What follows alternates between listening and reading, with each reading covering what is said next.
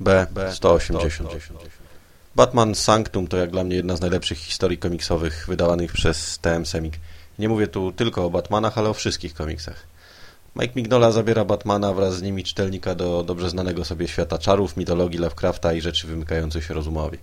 Zaczyna się dość typowo. Mroczny rycerz na opuszczonym cmentarzu łapie Loutera, mordercę, który upuszczał krew ze swoich ofiar. Po krótkiej walce i kilku ranach ciętych Batman broniąc się przed atakiem tak niefortunnie zadaje cios, że Lauter spada na ostre ogrodzenie i ginie przebity stalowymi prętami. W trakcie walki jednak naruszona zostaje konstrukcja jednego z grobowców, który zapada się. Batman zaś osłabiony upływem krwi nie jest już w stanie uciec spod niego. Spada w otchłań i budzi się w wiktoriańskim domu. Spacerując po nim spotyka człowieka, który przedstawia się jako Osric Druid. Gospodarz przedstawia swoją historię jako maga i przywódcy Bractwa Wszechstronnego Oka, do którego zresztą Lauter zwracał się, rysując krwią znaki na grobowcu. Przyznaje się również do zamordowania własnej żony, która była przeciwna jego okultystycznym zainteresowaniom. Drut w swoim wywodzie stawia również znak równości pomiędzy swoim morderstwem a śmiercią Lautera. Uznaje także, że o ile jego czyn popełniony był pod wpływem emocji i żałuje go, o tyle Batman zabił z zimną krwią, a jego tłumaczenie, że ratował siebie jest tylko wymówką.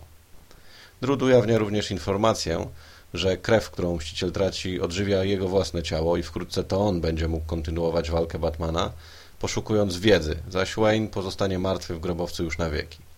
Ostatkiem sił Batman stara uciec się z nawiedzonego domu, lecz trafia w pustkę i to tam odkrywa słaby punkt przeciwnika. Drud trwa w przejściu między życiem a śmiercią nie ze strachu spowodowanego niewiedzą, co może być po drugiej stronie, lecz z powodu tego, że tą wiedzę właśnie posiadł dzięki krwi swojej żony.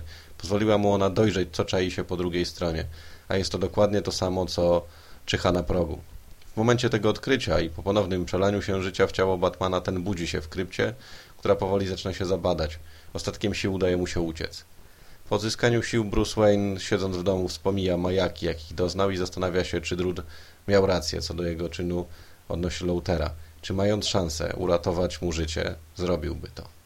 Trzeba przyznać, że obydwaj autorzy wysmażyli tu doskonały scenariusz, pełen akcji, tajemnicy, magii i napięcia. Klimaty znane fanom Mignoli są w tej opowieści świetnie odtworzone i na pewno zadowolą nie tylko ich, ale każdego, komu ciemna magia nie jest obca.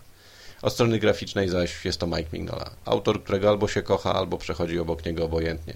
Jego Batman to postać mroczna, przerażająca, to czarna istota nocy wtapiająca się w cienie zalegające kadry. Ciemne, wygaszone kolory świetnie oddają mroczną noc na cmentarzu i posępność siedziby nieumarłego maga. Z pewnością jest to komiks, który koniecznie trzeba znać.